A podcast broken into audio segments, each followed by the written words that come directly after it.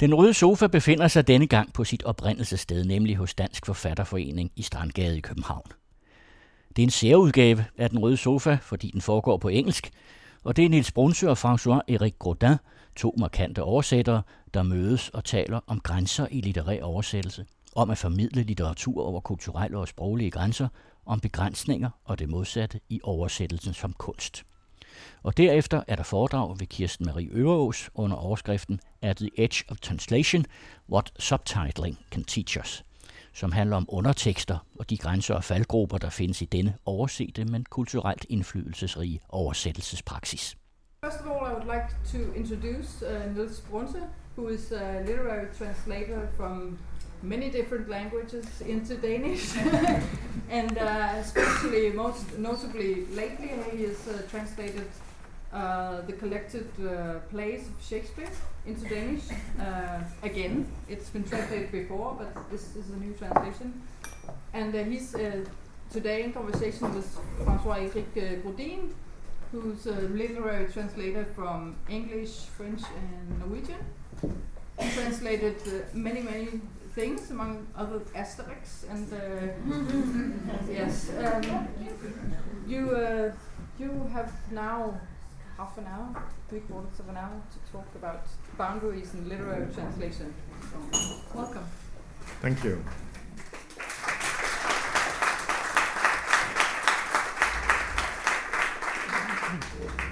Are you ready? I'm ready. oh, let me just say.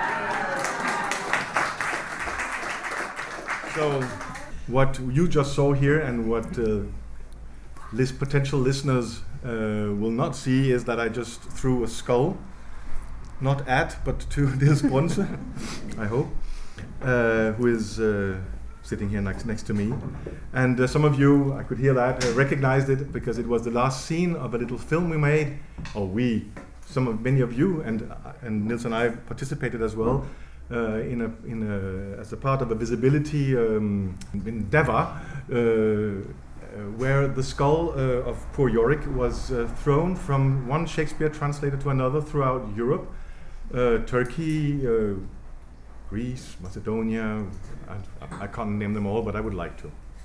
And ending, starting in in England, of course, and ending, of course, also um, in the hands of the Shakespeare translator, among other things, uh, in front of the Kronborg Castle in Hamlet's uh, crib. uh, so uh, let me present, uh, say a little more about Niels, um, but apart from what you said, if it's okay. Oh, it's okay. It's already up there, maybe. No, because this man has been translating a lot and for a long time. And he's, uh, according to this, and I really, I, I look at your biography, uh, more than 200 works. So that's, wow, from uh, Russian, English, German, uh, and some other languages as well. A little bit from French, but uh, yes. only uh, comic books because it's, it's, easier. I mean, you can see in the pictures what happens, so it's not that different. and as Juliane, Juliane said, we've been working on a retranslation of all of Shakespeare's plays, and you are not quite done yet, or how is it? Well, are we very close to? In fact, uh, today I sent uh, the last texts to my Whoa. editor. And uh, apart from that, uh, or beyond that, you have translated work by Goethe, Thomas Mann, Chekhov, and the one we were just talking about, Coetzee. Mm -hmm uh, Peter Carey and Daniel Kehlmann. I've really been practicing this Coetzee. Uh, he has received, you have received a number of prizes and honors and so on, and I think uh, we all in Denmark know who you are, we translators that we at least. Um, I think I would like to start by just asking you not how you became a translator, because I tend to hear that question very often, but why? Well, I think the answer would be more or less the same. Um, I became a translator because uh, I was fascinated by uh, the very idea of transforming a text from one language into another. Uh, it was a kind of magic. Uh, I started already in school. Uh, of course, what I did then was very bad and uh, very amateurish, and I hope I have improved over the years. But this fascination has never really left me. I still think it's marvelous uh, that uh, a work a text can exist uh, in different languages. And uh, of course, it's a very long and very academic discussion what actually happens and uh, what the status of a translation is compared to the original. Mm. But still, uh, this kind of uh, transmogrification uh, is wonderful, and uh, I still enjoy doing it. Mm. I was when I was uh, trying to research a bit. Um, I came upon a text that you wrote uh, to the translator handbook or something like that. I don't know how you would translate it in 1994. Um, I tried to really quickly to translate it because we have to do say this in English, but um, it would be more correct and productive to compare the literary translator's relationship to the original text uh, to the actor's relationship to the part, or the, or the musician's relationship to the noted or to the score. Um, there is always an element of interpretation um, in the performance or in the udførelse. Yeah, well, um, uh, the translators are the performers. If, I mean, you must correct me because you wrote this text, so you probably know how you would like it to sound in English uh, of literature. The performers. The ideal notion of the good invisible translation stems from the assumption that you can establish a one-to-one relationship between two languages, and that the interpretative el- element can be reduced to naught, which it can't. When accepting the translator as a performing artist, you could ask if the good pianist is invisible, or is the good actor invisible, or decide for yourself if these two statements are informative, or if they are in fact irrelevant. Yes, I, uh, I stand by that. Uh, I, I, still think that um, the very notion of uh, a perfect translation, which corresponds uh, perfectly uh, to the original word by word, uh, is a chimera. It, it, doesn't exist and it can't exist because languages are different, and that's precisely the, the fascinating part of it. Uh, that languages are different, and in many ways you can say that uh, different languages are also different mindsets. Um, I mean, you can have the uh, utopian idea of wouldn't it be wonderful uh, if we only had one language in the whole world and we could all speak together across borders, uh, and apart from the reaction from any translator that that would be a very bad idea. I think it would be a pity if we lost uh, this diversity. I mean, uh, between languages that, that, are close to each other, like, say, the Scandinavian languages or even Danish and English, um, the differences may be small, but they're still there. And uh, if you compare, for instance, Danish to uh, a language like Chinese, which I know next to nothing about, but uh, my daughter has studied it a bit, uh, then it's evident uh, that in Chinese you deal much more with uh, essentials, um, the notions by themselves, and Uh, all what we do in flexions and uh, prefixes, suffixes, uh, is dependent on, on, the context in Chinese, and that's another way of thinking.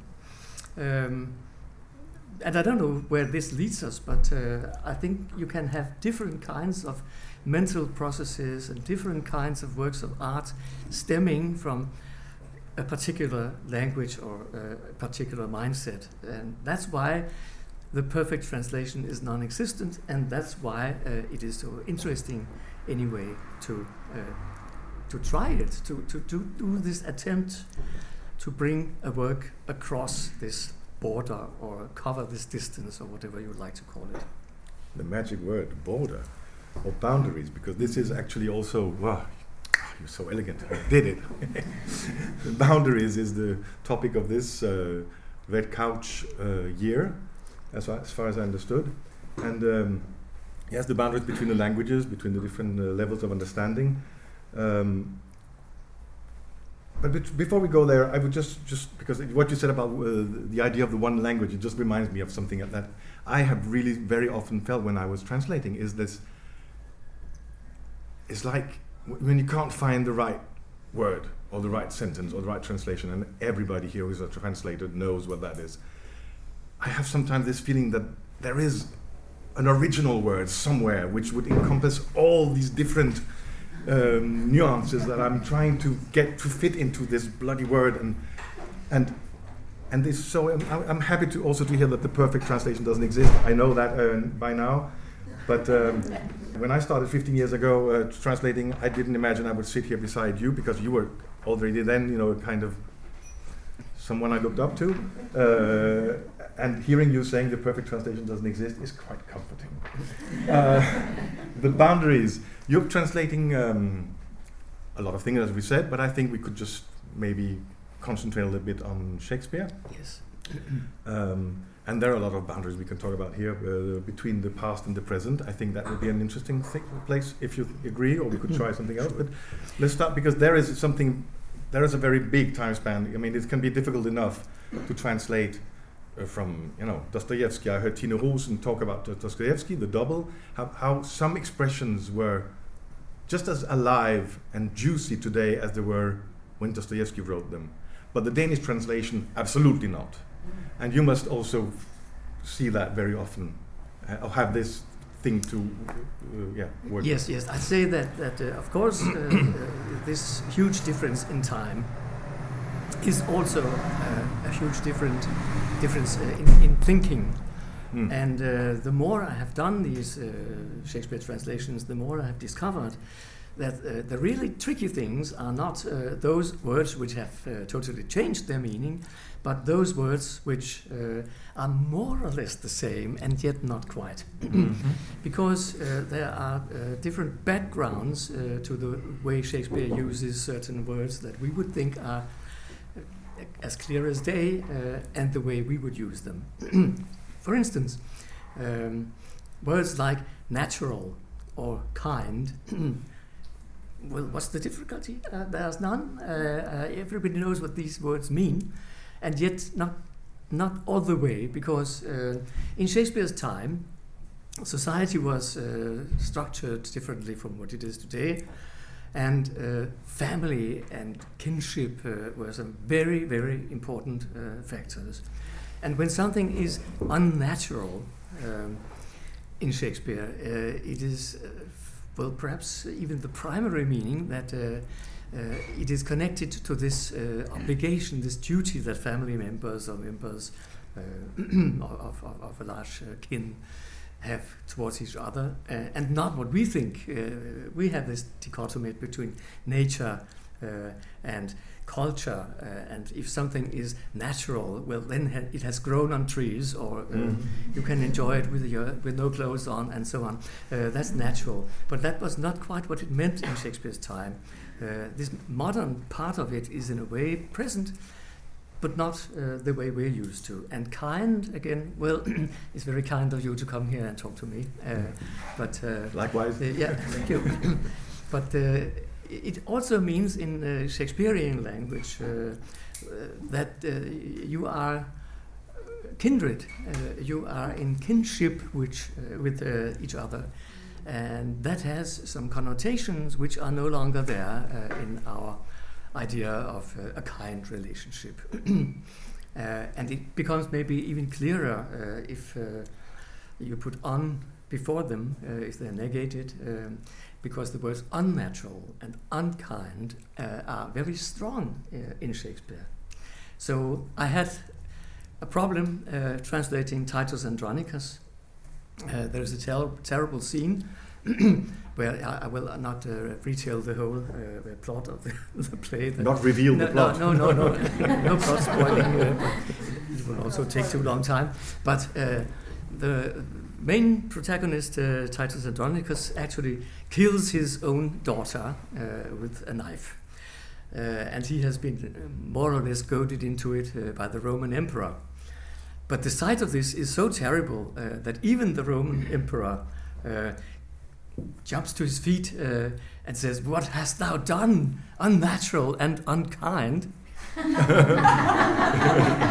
I mean, uh, if you Yeah. translated that uh, as we do today, uh, it would be a very, very faint and very, very strange reaction. oh, that wasn't quite kind of you, was it? Uh, or uh, I don't think uh, it would be natural to react like that. so I had to find something else. Um, this particular translation has not been staged yet, and uh, I don't know whether it will ever be or not, but uh, it would be interesting to see the audience react to what I actually wrote, because I wrote, Hvad har du gjort? Perverse psykopat. And what have you done, you psychopathic pervert? And, uh, and I mean, it is as strong as that. Uh, but of course, it's a very unfaithful translation, and uh, the Shakespeare police would probably come after me. But uh, uh, I felt that this was necessary for dramatic reasons. Uh, why does he react so strongly, and why is this such a climax in the scene and maybe in, in, in, the whole play? So that's where you have to shift uh, a little bit from uh, the obvious meaning to a secondary meaning, if we look at it through our eyes.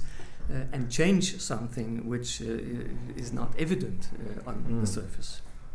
In a way, you could say that the words kind of end in a pool of words that are open to everybody, and that maybe Shakespeare would have used if he had had access to perverse psychopath. uh, you probably would. Uh, but there again, you have to try to find out is that still, I mean, I presume that you do uh, think if this is this is in accordance with Shakespeare, whoever Shakespeare is or was, Shakespeare in your head. I mean, there must be some considerations that you do there. Um, is of it course, okay? Yes, and, yes, and, yes. Could you tell something uh, about that? Because I think that would be very interesting. Well, in the first place, I am very sure that uh, Shakespeare never considered himself a classic. no, uh, he, he never wrote uh, his plays, at least, uh, for the educated public or uh, the academic specialists. He wrote for normal theatre goers, uh, and there were a lot of kinds of those from aristocrats, uh, even royal persons. They didn't come to the theater, but they invited uh, Shakespeare and his uh, fellow actors to, to the court. And down to the groundlings, those who were standing in front of the stage on the cheapest uh, tickets they could get. Uh, and of course, they uh, didn't have all this intellectual luggage that the noblemen in, in, in the nicer places above the crowd would have. Uh, but still they enjoyed it uh, and uh, they felt something and it was very very energetic what happened I'm sure at the Globe or at any other venue and you have to take that into account Shakespeare wanted to have his listeners, his audience react uh, and not just sit back and say, oh, very fine culture indeed. Uh, that was not the point.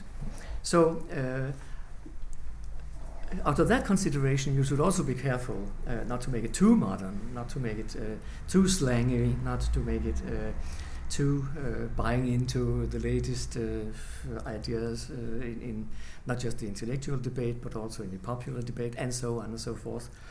So it is a kind of balance all the time. You must find the middle road and you can distinguish it uh, at first sight from, from any other roads. Uh, it, it, could be quite difficult, but you get the feeling uh, as you go along. And I think there are many things uh, that I do a bit different now from uh, when I started. Mm. But alas, there's no time to go back and revise the whole thing again. I would love it, but I don't think the publishers would like it, and I probably even wouldn't have the time. So it has to stand as it stands, and it's there and I have done it. And uh, speaking of having done it, uh, I have read so many books on Shakespeare. That has been quite interesting too, and of course contributed to the way I see his texts. But in many places, I have come across quotations from the plays, and I've thought, "Oh my God, how am I ever going to do this?"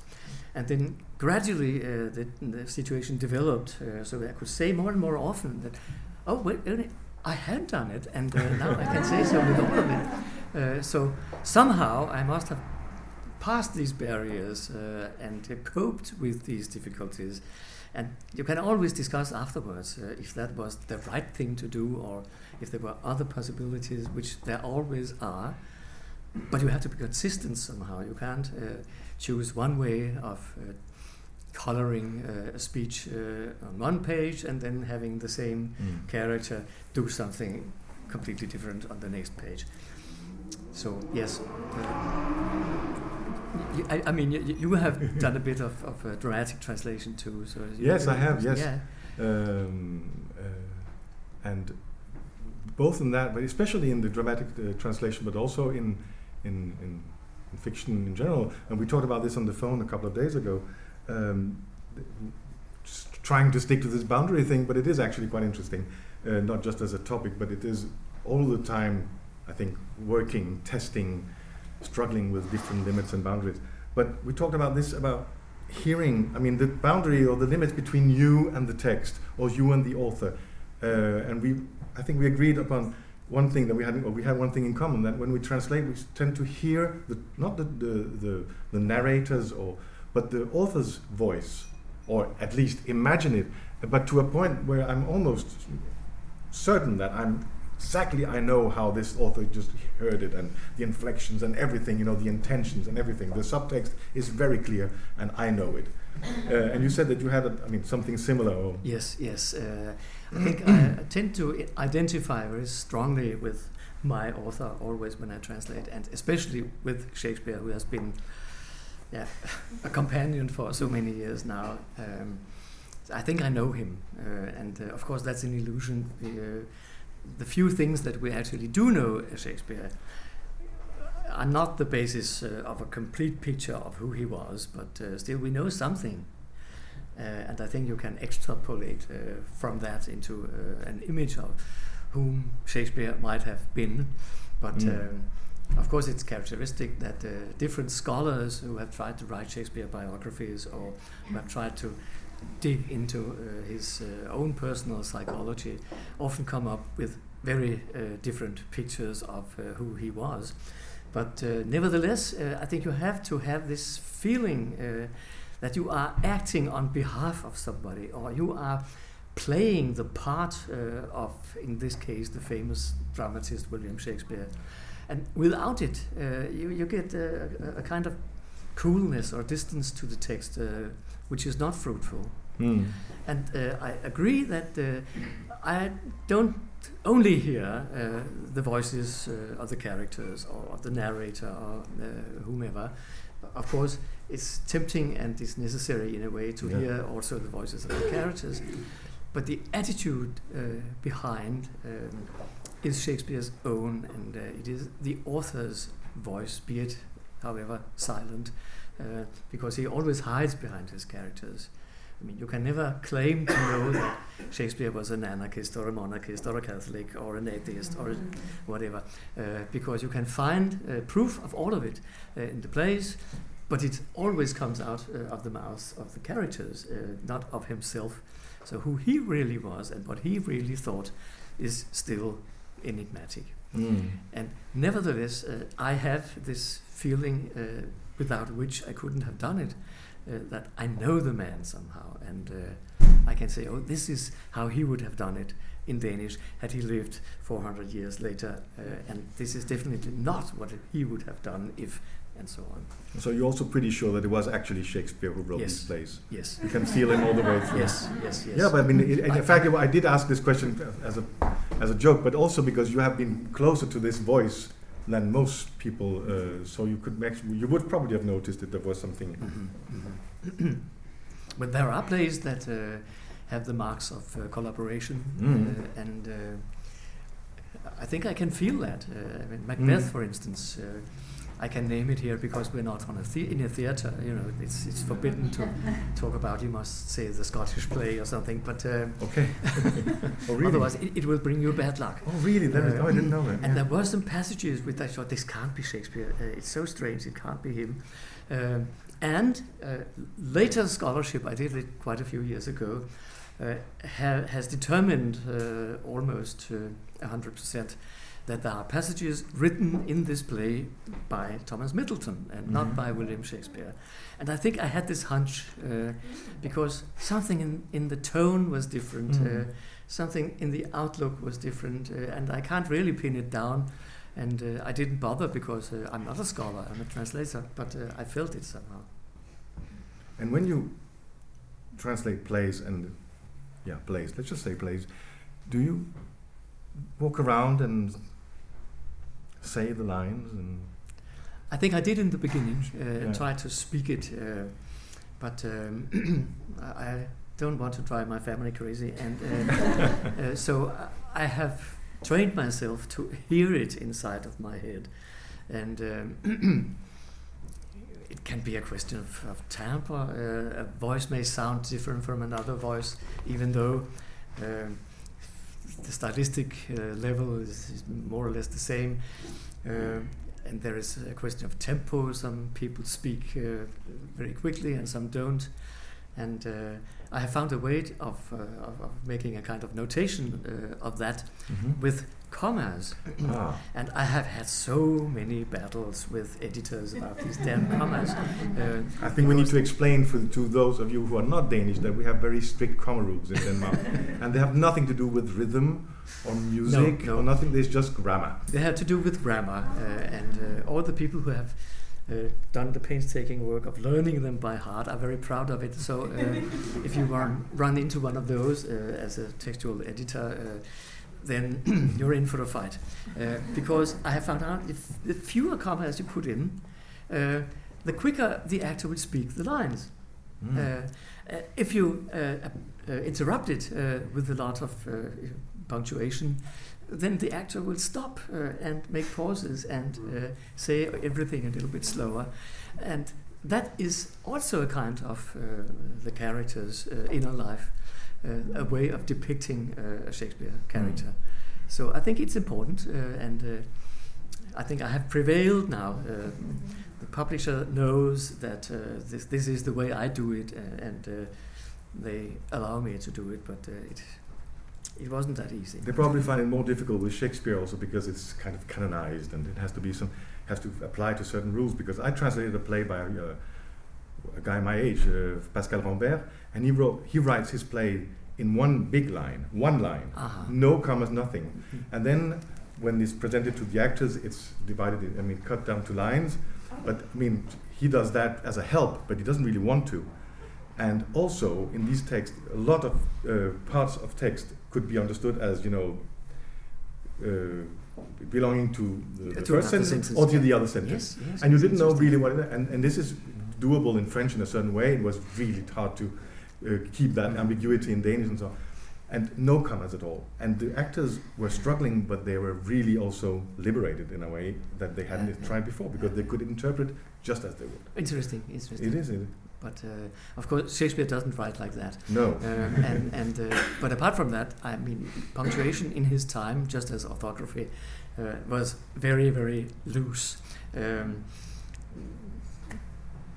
well, no, let's not get into uh, the mystery of the typesetting on the first folio and uh, all that. But, uh, if we had another four yeah, hours, we'd yes, do yes, that. Precisely, yes, precisely. But but uh, it leaves uh, you with a certain freedom mm. that you can't say Shakespeare put his commas here and here and here, and you mm. must do the same uh, mm. because it's not that uh, evident, and it's uh, certainly changed over the years uh, how you do these things. And I found it very useful uh, to use uh, punctuation as a kind of musical notation for, yeah, tempo or even which words belong together how much can you speak in one breath? Uh, mm. Again, how quickly does the character speak? Uh, and so on and so forth. Uh, lots of little details that you can work with, uh, just with the sound of it. The limit or the crossing line between the doubt, the search, this kind of mindset that you are in when you are starting on a line or a text or a paragraph, and um, and then this sudden knowing. Could you can you say something about that? Yes, uh, I think this this, this, this, knowing is of course a very um, uh, happy state of mind, uh, mm. and uh, you have great luck uh, if you achieve that. In many cases, uh, I must say I have felt that oh well this is as good as it gets, and mm. I can't get any closer. I have a text editor who is very thorough. Uh, I chose her myself uh, and had the publishing firm accept her. And she's very, very strict. Uh, and it is really every time I have done this, uh, I said, "Oh, it's good. As, it's as good as it gets, and uh, I can't solve this now. Let, let's let me get on with it." then I have her small pencil marks. Uh, this is weak. Uh, this is unsatisfactory. Uh, you have forgot this uh, Mm, okay. nuance and so on. So it's back to the drawing board and um, correct it and make it better, and it gets better. Uh, that's that's fantastic. So uh, you can have this feeling of creative, uh, a creative flow that just uh, carries you along, and that's wonderful. Uh, and uh, if you can get into that state of mind, uh, then many things become easier and even uh, the subconscious layers uh, of your own language uh, begin to work. Mm. There is a small passage in King Lear uh, where uh, the faithful Earl of uh, Kent is having a conversation with uh, a gentleman. Um, it's not terribly important to the plot, and I think it's only there in, in, in the folio uh, text, but never mind. Kent uh, is in disguise uh, as uh, the lowly servant of the old king, but he needs to get a message through uh, to King Lear, and of course he wants to reward uh, this gentleman, but he can't do it because he has no rings, he has no purses full of gold coins. Uh, so all you can do is to say, "When I am known aright, you shall not grieve lending me this acquaintance." Uh, in modern language. Uh, Thank you. when I, I am coming back to uh, whom I were, um, then um, I was, then uh, you uh, can be sure you will get some uh, reward from me. I will not forget you, and it's lucky that we have met. Mm. And I was in this state of flow, and I wrote and I wrote, and uh, all of a sudden I noticed uh, on my screen it said, Når jeg igen bliver kendt som den jeg er. When I'm, uh, again I am known as the one I am. The Danish word known is Kent, which is his name, the Earl of Kent. So there was an ambiguity there, which not there in Shakespeare, and uh, which I hadn't sought, uh, but it just came along. And uh, I mean, this is a kind of happy gift uh, that you can sometimes experience from your own language and uh, the possibilities that it has. I totally know that. Not very often, but I totally know Yeah. this feeling of magic. And you said somebody gave me this. Yes, I mean, it came from from who knows where. Yeah. from the pool, the big language pool. Um, uh, I wanted, I don't know if it's going to be the last thing, but I wanted to um, us to us to read us yes to read just a little bit from um, just to hear what goes on when just to hear the rhythm, the sound, what, what goes on when a little passage. I mean, it's just three, four lines, uh, ten lines. Uh, travel from um, what do you call it? Early modern English, Yes. early modern English to um, to late modern Danish, postmodern Danish. I don't know. um, uh, and because we had in the film, we did the thing that you shouldn't do. We said to be or not to be holding this, is, and this is really wrong. But I mean, everybody understands it, so we chose this as a something to, to make it clear to everybody. But now we will uh, lend him justice, the poor man uh, there, and um, I will try to read this in my best Shakespearean English, and then uh, you will read. Uh, yes. Yes, yes. I, I just want to, to add one thing. Yes. And, and uh, that is Please. this particular passage is in prose. Uh, Yeah. It's not in blank verse, and uh, we haven't even broached the subject of uh, this uh, technical We will difficulty. do that afterwards if But we can we do that minutes. after? Okay, if you have. Or we could do that now, and then we will read this. Yeah, well, I don't know really, but uh, of course it's a very technical discussions. But since we have some fellow translators here, Yes. Well, let's just I do that that- then. I- I, think I- it's okay. Let's do no, that. you can do it as as. Uh, Let's talk a little bit about language, and then we'll read your. Yeah, okay. Uh, no, uh, talking of boundaries uh, or uh, differences or distances, uh, it's very important to keep in mind uh, that the meter, uh, this famous iambic pentameter that most of the lines in Shakespeare is written in, uh, conveys messages. Uh, it's not just uh, an uh, adornment or, or uh, a quirk. Hmm. It's there because it means something. Um, in the first place, it makes it sometimes easier for the actors to uh, remember their lines, but it also distinguishes uh, between aristocrats, kings, uh, noble heroes, uh, and uh, the common people who almost invariably speak in prose. Uh, so you can hear from the rhythm who this person is that you are listening to right now. and there are lots of other things that, that um, go into the discussion of the meter and I won't uh, expound on it now, but uh, I think it's very important to keep the form. So when there are rhymes in Shakespeare, when he has these rhyming couplets, which uh, often function as a kind of uh, full stop, meaning now we changed the scene. Uh, mm-hmm. You couldn't see that on a Shakespearean stage. Uh, I do the rhymes too, and the rhythm must be the same. Uh, and the lyrical passages uh, that are almost entirely written in rhyme must also be rhyming and so on because it's all part of the characterization of the characters and uh, the atmosphere, the mood uh, of, of, the particular scene you are in. So this is prose, and, and, and, and, and, yes. it's, it's because uh, this famous scene, uh, the gravedigger scene, mm which is a kind of comic relief. Uh, it's often uh, often quoted uh, as a famous example of the concept of comic relief. I mean, sometimes a tragedy is so tragic that you just can't stand it, and uh, before you are uh, running out of the house screaming, uh, there will be a comic scene to make you laugh a little bit, and then you can feel the whole weight of it again afterwards. Um, and these grave diggers are clowns; they are comic people uh, and they are saying some funny things, and bang, all of a sudden, out of the earth where one of the grave diggers is digging the grave for Ophelia, comes this skull. And um, Hamlet picks it up and looks at it, uh, and now comes the conversation. This is all in prose uh, because that's what Hamlet speaks uh, with Horatio when they have their kind of conspiracy. Uh, they must um, cope with uh, all the tragic things that have happened. This uh, this uh, uh, Uncle Claudius, mm. which has stolen the throne from Hamlet's father, and so on and so forth. so it's, it's a kind of intimate space between the two of them. Mm. And of course, the gravediggers speak in prose because they are lowly comic persons.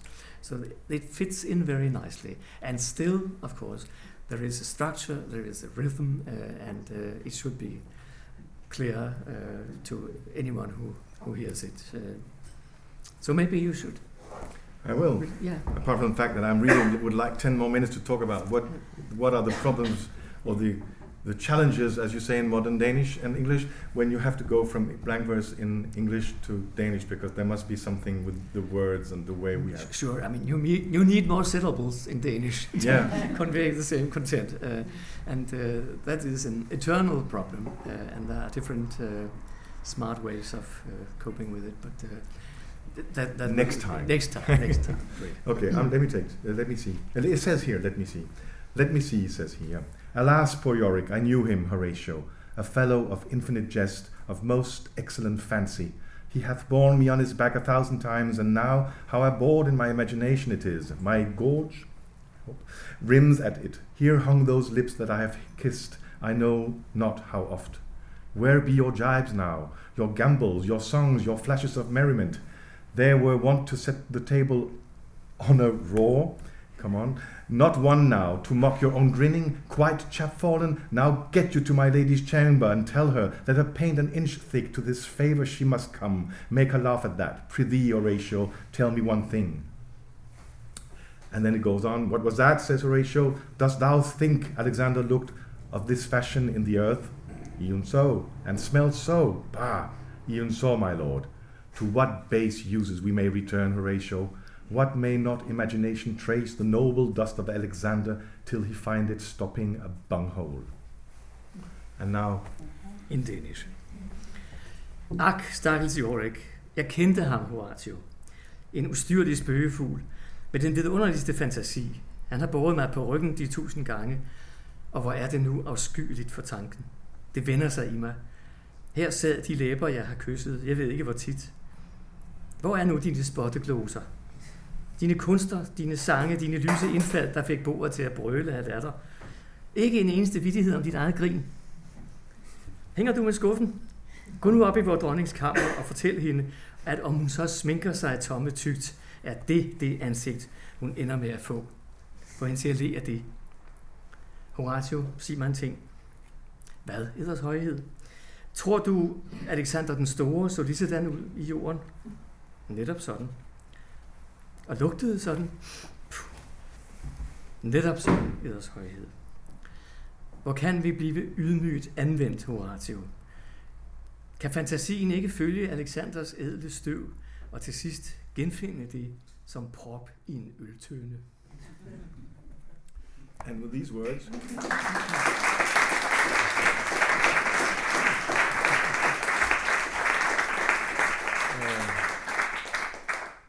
it also makes me think. I, t- I told you I would I tried to you know spin a little thing about this because Shakespeare has been translated and retranslated and retranslated, and maybe most probably one day your translation will also be retranslated.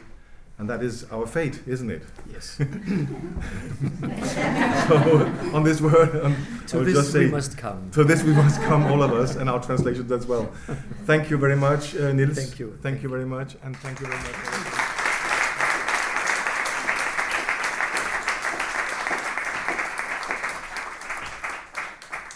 Yes, thank you very much for inviting me. I'm um, seriously starstruck by the uh, present company.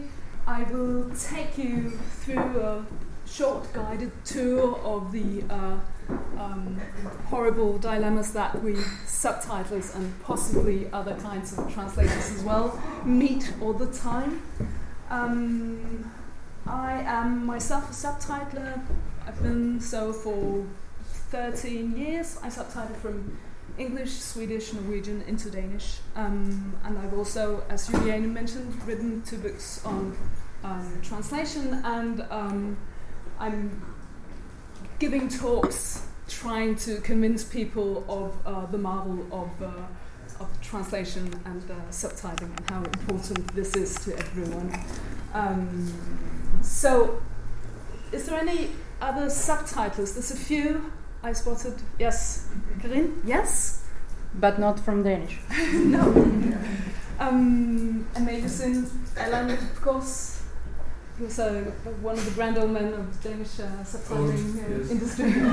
grand, grand. Yes. Right. Good. Not a lot of them. Um, so, first, a quick introduction to um, subtitling in Denmark, I really hope you can see this and read this. So, Denmark is a subtitling nation as opposed to a dubbing nation, meaning that we watch subtitles all the time. Um, and for those of you who, stay, who are staying in a hotel tonight, I will urge you to turn on the television tonight, uh, watch some Danish television, and just um, have a look all, at all the glorious subtitles because they will be on everything most content on Danish television is not in Danish but in English, bit of German, bit of French. Most of it is in English, all of it is subtitled. The rest, what is on in Danish, is subtitled as well for the deaf and hard of hearing and for um, the rest of us on the treadmill in the gym, gym and on the bus with our smartphones. So subtitling is a huge deal. And the average Dane is reading subtitles for three or more hours a day. So it's a huge input that everyone gets from subtitling. So subtitles in Denmark are one of the most widely read types of text. Subtitles is teaching reading and language skills because it forces people to read all the time. It encourages children to learn how to read. Um, it's including the deaf and the hard of hearing in the general society because it gives them access to everything that hearing have, have access to on television. Uh, everything from news to politics to silly sitcoms and soaps and other kinds of culture that um, everyone else knows about. Um, and it's widening horizons for everyone. Um, all that you can learn from television, you can learn if it's subtitled so you can actually understand what is going on. So subtitling is a huge deal. It's really important. Um, subtitles are also visible. They're on the screen, they're in your face, and at the same time, they're unnoticeable. Um, if subtitling works well, you don't notice that you're reading. You're watching television and you just magically understand anything that everyone's saying in any language. Um, which leads me to the next thing subtitles are easy to read. They need to be that because we need to not make people aware that they're actually reading. We need to maintain that illusion that people can magically understand everything subtitles are also correct. Often most of the time are they supposed to be in correct language correct grammar? That's all that also helps with the whole learning languages learning to uh, read and write. Um, subtitling pushes me i think to the edge of what translation is or it makes me all the time have a conversation with myself what I can do, what I'm allowed to do when I'm translating, because I'm pushed to the edge of what I feel I can do. Um, there's two things, especially, that is pushing me or us to the edge of translation, translation, and that is the feedback effect and those space and time constraints. So the feedback effect is something that also um, interpreters experience namely that um, the ones that we are translating for can look at the source text and the target text simultaneously simultaneously so they can listen to what is being said and read my translation of it and most of the people who are watching um, English, um, an English program with Danish subtitles, they understand English quite well. So whenever I make a, make a mistake, they will see it. And whenever I don't make a mistake, but they think it's a mistake, they will see it. And they will, I mean, and that's, of course, for my ego, that's terrible, but it's also, it will um, stop them from enjoying whatever it is they're watching and make them start thinking about oh, I'm reading a translation and it's really bad. and that's not what it's supposed to be like to watch something that is subtitled. Um, so that is the feedback effect. It comes in, in two versions. And I think I realize now that there is a third, um, which is what Niels Brunse is up against when he is translating um, to be or not to be, that is the question, because everybody knows that it, it goes at være eller ikke være, det er. And that is not how Brunse chose to translate that, and everyone knows that. So I guess that's a kind of feedback effect as well, that people um, expect something and they know how it's supposed to be, and then they hear something different or read something different. Anyway, the two kinds of feedback effect we have. The first one is the audible feedback effect. So this is from um, The Walking Dead, and I translated with my colleague uh, Christine. Um, someone says, "Are you okay?" and Glenn says, "Yeah." So if I write "at a gate," nej, and I back translate is something wrong? No then people will hear someone say mm-hmm. yeah and then read no. And that is confusing. And it also makes people think oh i'm reading a translation which was really bad. It takes them out of that illusion again. So this feedback effect means that i have to do something different. I have to rephrase. So i can say at your yeah. So everything in order? Yes. So now i'm translating yeah into yes so now it works. But this is a consideration I need to keep with me all the time because of this feedback effect. So that was the audible one. There is, of course, a visual too, and this is a um, not very um, brilliant series that I subtitled about a doctor. He says he has this monologue. When I was five, I went into my neighbor's yard and I picked their sunflowers. I yanked them out, actually. It wasn't pretty, but I gave them to, to my mother. I thought they were called sunflowers. right, so we have a wordplay, of course, on sunflowers and sunflowers. And in Danish, sun in the sky is sol, and sun as in someone's uh, Boy. offspring, thank you, child, is sun. So for a child to mistake sol for sun I mean, that's not plausible, right?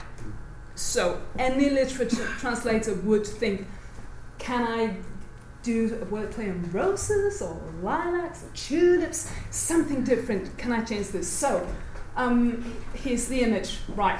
He's saying this because he's got a bunch of sunflowers in front of him. I am bound by this. Everyone knows that he's talking about it. He can, they can hear him talking about sunflowers and they can see it on his table. So I need to use this word, which really messes up my translation. And this is my, my original, my, this was on television and it's not very good and it's as good as I could do it. So I'm pretending that the child is stupid enough to mess up the word for sun and sun. Um, and I'm saying, I thought they were called sun sigger, which is the last part of the Danish word for sunflowers, and this doesn't make sense and it doesn't work. so, we're up against these um, um, constraints of the feedback effect. Also, there is the time and space constraints. Um, as I said, we have 12 characters per second. We have two lines. Uh, we have um, 38 possibly characters per line. And this is just a completely bog standard, ordinary uh, exchange. So there's two people saying, "I'm noticing there's no bathroom in here." Yeah, I'm right there, absolutely, and that's that's what I'm going to spring on you right there. Let me show you what you've got, though. And then she moves towards the other room where the bathroom is. Right. This is the other person. You can see the shoulder. Um, so if if I'm writing everything that is being said, this is what it's it, it would look at look like. So there's like three or four times as much um, text on the screen that I can put on it and that people can actually read within six seconds and eight frames. Um, also, this is really bad language. If I write this as it's being said, if I'm making this very literal translation, it's really hard to read because people don't write in, people don't speak in neat grammatical sentences, as we all know. Um, so this is what I ended up with. So here's here we've got what was being said, and I this was my subtitling. Har ikke noget badeværelse? Det skulle I til. Kom. There's no bathroom in here. I was about to say that. Come on. Um, and I I'm convinced that no one realized that I had taken words out. This is what subtitling is about. That you do this and you do it so it feels like you magically just shrunk everything but kept every inch of, of important meaning. Possibly not every inch of important meaning because the last line is it's not very idiomatic. It's okay, but I needed to have that final come come on because she's doing that movement, so she's taking her into the next room. So I needed to have that with me. So these are the aspects that we need to consider all the time when we're subtitling. And these things cross all the time. So we have the feedback effect at the same time as we have the, um, the time and space constraints and all the rest that you encounter when you translate that everyone here knows about when you translate. Right. Um, so when we talk about translation and when we teach translation, we sometimes talk about this spectrum going from word for word translation to sense for sense translation, or from literal translation to free translation. And we sometimes talk about it depends on what kind of genre you translate within, where on this scale you predominantly place yourself or place your translation on. Um, but with subtitling, you're racing all over this scale constantly. Even though you're keeping the same tone of voice within the program, of course, you're doing that but still, um, when he's talking about his sunflowers, I need to make this a really literal translation because of the feedback effect. And when someone's saying as much as was being said, I need to make a very free translation to make it work within that time space constraint. So I find that this really interesting about subtitling, how we're constantly forced to take into account these very different constraints.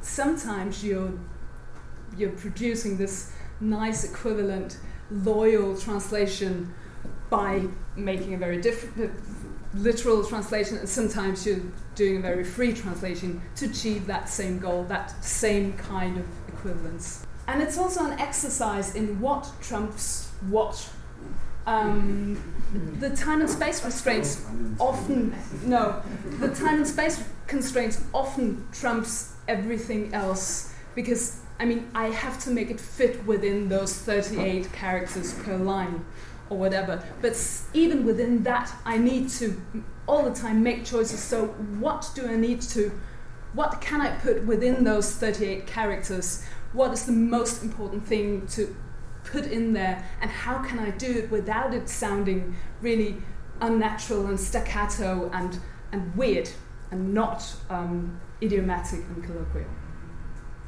But um, this is not only true for subtitling, and I hope that you were just thinking that. Um, this is what is going on um, when we're translating, right? So, just to name drop, Umberto Eco says translation is negotiation. And Andrew Chesterman, and this is my own book at home, he, sa- he says from Memes of translation, total equivalence is a red herring. Of course, you can't have total equivalence. Of course, we can't have the perfect translation ever, as this one just calmed everyone down about. Um, the moment you're translating something, you're changing it. And whenever you're changing something, whenever you're translating, you have to think about how to do it and what to leave in and what to, to take out to reach some level of equivalence. Um, so let's take the case of wordplay. Science tip you can distinguish an alligator from a crocodile by paying attention to whether the animal sees you later or in a while. yes, that is funny. But it is only funny if you know, see you later, alligator, after all, crocodile, and if you don't know that, it's not funny. It's just weird. The point is lost. So if you're translating that into some other language, you're not you can't just translate this literally. You have to keep in mind so does my audience know about this song? Will they get this joke? Should i change this completely? There's also uh, an image actually of an alligator or something close to that. And does it need to correspond to that one? You're always having these considerations when you're translating not only when you're subtitling. Um, there's also the case of bad language or incorrect language in the text that you're translating. So this is a sign from my local gym. Kan I også bruge både smiley. And it was on, on the, the men's room. So I've made two translations for you and one of them is please use the ladies' room for the time being, smiley.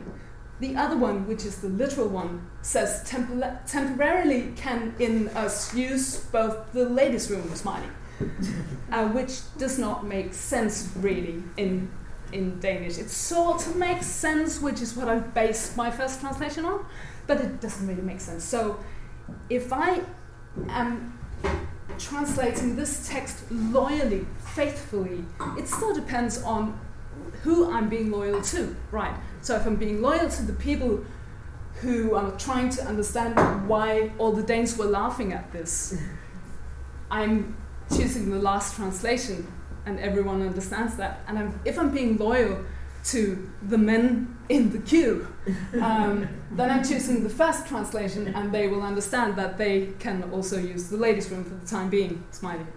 Um, we always have these restrictions. We always thinking about this, and also for one last reason, um, languages are different, as also uh, Niels and um, François just mentioned. Um, any any translator have been asked to just translate this word into the same word in a different language. Just tell me what it means. Just say what the word is. So if we're translating the Danish word lære, it could be learn or it could be teach.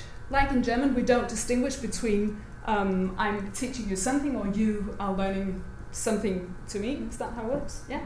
Um, also, a layer could be a word in, Dan- in Danish that can mean both learn and teach. That is a, a part of the meaning as well. Or it could be a word that rhymes with bear and sayer. Or it could be a word with four letters in it, a word with two syllables if we're using it to translate a, I don't know, Shakespearean sonnet. Um, we can never do a completely literal, on all accounts faithful, um, loyal translation, or sometimes we're lucky and we can because the two languages that we're translating between coincidentally have that same word for that same thing, but usually this is at stake as well. So, subtitling combines a lot of these things and pushes us because we have that uh, amount of restrictions and constraints also. Um, so, just to finish on this um, scene from uh, Scott Pilgrim versus the World, brilliant um, movie. First of all, we have um, 3 seconds and 13 frames. Um, and there's three people speaking, so already we have a problem. So um, he just got a girlfriend, and they're saying, Well, aren't you pleased, pleased as punch? And he says, I don't know what you're talking about. And then the third person says, What's her name? And of course, the next subtitle is her name. So I have to finish with what's her name or a question about what is her name. So this is my solution. Hurra for dig. Hun? Um, so hooray, for you, which is my translation of, of well, aren't you pleased as punch? The second line, I admit, is not even there. We see him say it, but it's not there because it couldn't be there. And what's her name? Hvad? Which is what's her name or what is she called? So just within these three seconds, I have a mission. I've deleted a whole sentence. I've completely rephrased this. Well, aren't you pleased as punch? Into hurra for dig. There's, there's no correspondence on the word, le- word level between these two sentences. And what's her name into what's her name, which is a completely straight up literal translation. And this is just one completely ordinary exchange in a film. This is what all of it is about all the time. Um, so, finally, um, I said what subtitling can teach us. Uh, I won't really answer that, but I will say what subtitling has taught me. Um, it's taught me that loyalty to the, su- to the source text can mean altering it drastically, but it can also mean not altering it drastically at all. So be on your guard always. Never do anything like by um, this is how I'm used to doing it. Always be on your guard. You never know where on that scale you're going. Um, and there's always a different way of expressing the same thing. And if uh, you need one uh, um, one character on that line, there's always a different way of expressing the same thing on 37 characters instead of in 38 characters. And a little thesaurus wrangling could take you a long way. This is what I learned. So, thank you. Tak. Thank you for your attention. I hørte Niels Brunse, François-Eric Grodin og Kirsten Marie Øverås i Den Røde Sofa i Dansk Forfatterforening.